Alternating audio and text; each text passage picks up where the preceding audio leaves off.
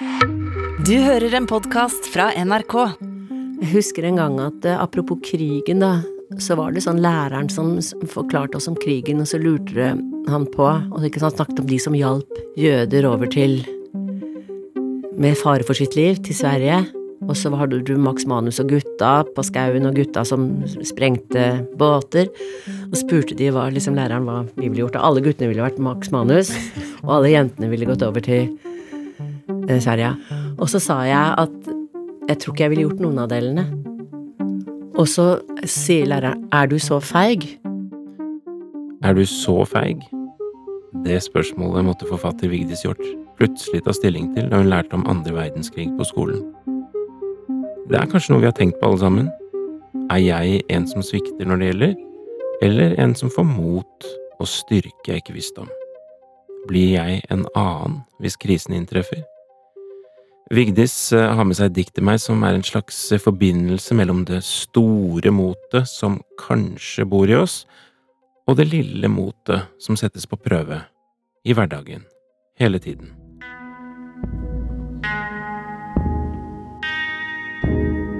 Jeg har et dikt av Øyvind Rimbereid Ja, som jeg syns er veldig, veldig fint. Stille sol utenfor en norsk Kiwi-butikk en lørdag ettermiddag i varme mai. En lagerdør som står halvåpen, og en grønnkledd medarbeider som har et valg, men ikke har et valg. Overfor det lille, nesten ubetydelige spørsmålet om å arbeide til ni selv uten avtale, uten lov, uten regel. Bare at hun ikke vil være vanskelig overfor sjefen, og overfor sjefen over sjefen. Ingenting av dette sagt, alt bare stille, liksom i alt det grønne utenfor, idet hun nikker.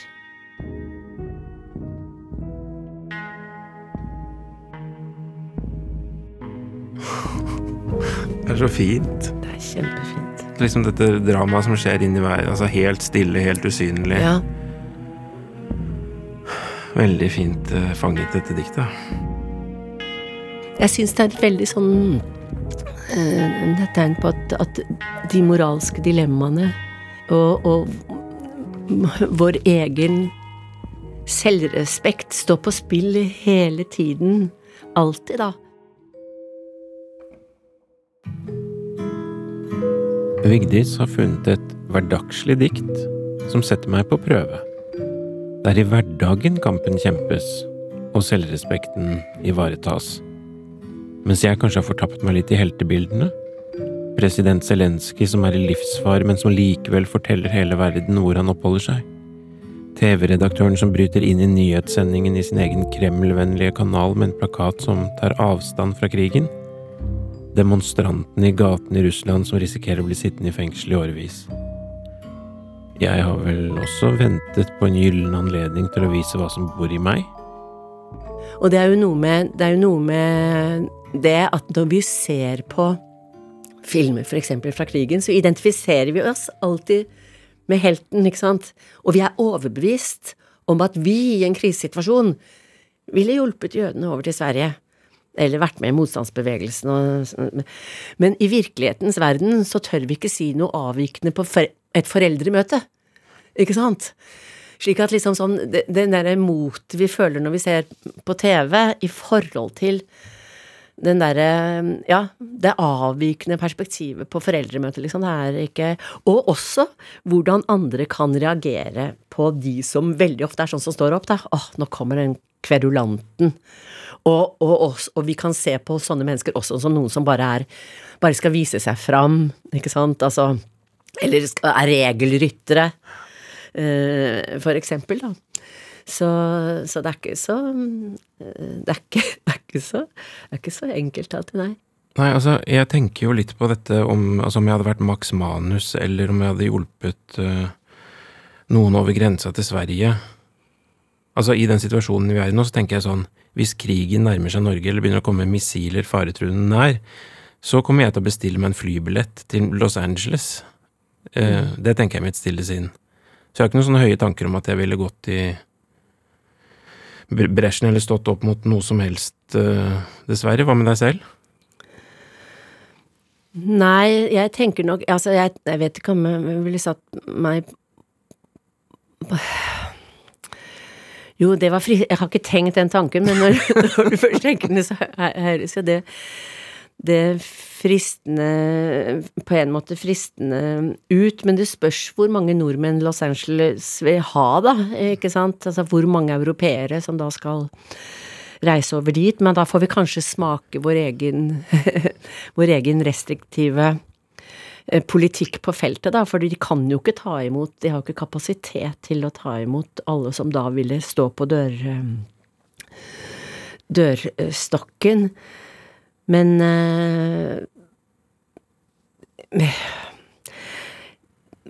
Det må jo være Jeg tenker jo sånn uh, at jeg, får, jeg, reiser til Nordmarka, liksom. Ja. ja det, det, gjør jeg også. Ja. Jeg blir her. Mm. Altså Når det blir store hendelser i verden, så har vi en følelse av at vi må handle, og vi må være på den riktige siden, og selv om vi også er veldig forvirret. Men det er jo dette skjer jo hele tiden i det små, akkurat de samme mekanismene i vårt hverdagsliv, da. Og liksom skulle tørre å ta den kampen for det Nei, det er vanskelig fordi Og så videre. Og det Jeg syns det er veldig sånn Altså, vi blir veldig forført av de store begivenheter.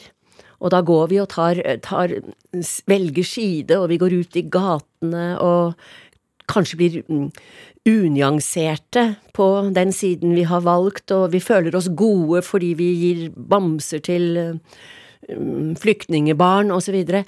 Mens det er i vårt hverdagslige liv at vi står overfor de dilemmaene som er kanskje mer krevende, og som krever noe av oss på en litt annen måte. Eh, og det skjer hele tiden og hver dag i de mest hverdagslige situasjoner. Man kan bli oppspist hvis man går på akkord med seg selv hele tiden i det små, da. Og det tror man kanskje ikke, men det er en måte å korrumpere seg selv på. Og ens egne tanker og ens egne holdninger osv. Det er i hvert fall den fare man skal ha i bakhodet. Ja, så stå opp, det har en verdi.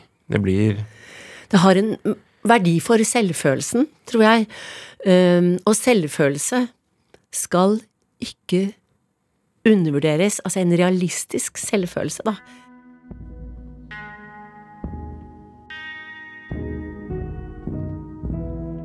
Ja, og vi rekker kanskje som regel ikke å forberede oss på situasjonene der vi plutselig får valget mellom rett og galt.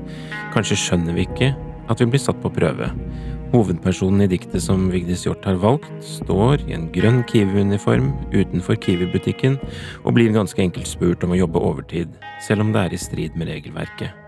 I stedet for å stå imot sjefen, og dermed også sjefen til sjefen, nikker hun og sier jo dermed ja. Kanskje de fleste av oss ville gjort som henne? Ja, jeg tror jeg hadde gjort som henne, ja. Bitt det i deg? Ja, det tror jeg. Dessverre, altså. Ja. Er ikke større enn det. Du ville ikke fått hele Kiwi-systemet mot deg? Nei, ville ikke det. Nei, dessverre. Så dette diktet til Øyvind Rimbereid, det blir ikke Det opphøyer ikke det der å ikke si fra, men det gir et Nei, for jeg syns det er så sårt. Altså, det er noe Altså, vi skjønner den avmakten som denne unge, ser vi for oss, kvinnen er i. Og vi kan tenke oss hvor mange, særlig av de som ikke har norsk bakgrunn, som har et løst forhold til arbeidslivet, så mange rundt oss som helt garantert jobber mye, mye mer enn det de skal, og går med en angst i kroppen for å miste det lille de har. Så jeg syns at det er det han peker på her i, i den, den, avmektigheten, selv om det er veldig i det små, da. Tusen takk, eh, Vigdis, for at du kom til denne diktpodkasten og hadde med dette Øyvind Rimbereid-diktet, som både eh, uttrykte veldig stor forståelse for det å ikke ha mot, men jeg kjenner også at det, det mobiliserte en ganske sterk lyst i meg til å ha mot. Så får vi se da hvor dette ender. Takk selv. Og nå er det sånn her at uh, vi markerer at jeg har gjort dette diktet til mitt, ved at jeg leser det høyt for deg, Vigdis, så nå kan du glede deg. Øyvind Rimbereids dikt 36 Stille sol utenfor en norsk Kiwi-butikk. En lørdag ettermiddag i varme mai. En lagerdør som står halvåpen, og en grønnkledd medarbeider som har et valg, men ikke har et valg. Overfor det lille, nesten ubetydelige spørsmålet om å arbeide til ni, selv uten avtale, uten lov, uten regel, bare at hun ikke vil være vanskelig overfor sjefen, og overfor sjefen, over sjefen, ingenting av dette sagt, alt bare stille, liksom i alt det grønne utenfor, idet hun nikker.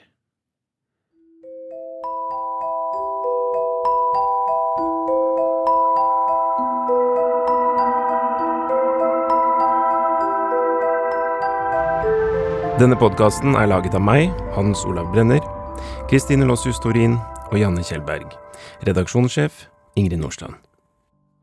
Et lite dikt kan gripe inn i et liv og endre ganske mye, viser det seg. Og det må jeg bare si, det diktet gjorde jo kanskje at jeg liksom klarte å snu litt tankegangen og bare Men fy faen, du er ganske badass òg, da, som står her fortsatt. I neste episode får du høre hvordan noen få setninger ble meget utslagsgivende for samfunnsdebattant og forfatter Tinashe Williamson. Jeg er veldig, veldig glad i det diktet. Det er så fint. Det er mitt yndlingsdikt. En podkast fra NRK. De nyeste episodene hører du først i appen NRK Radio.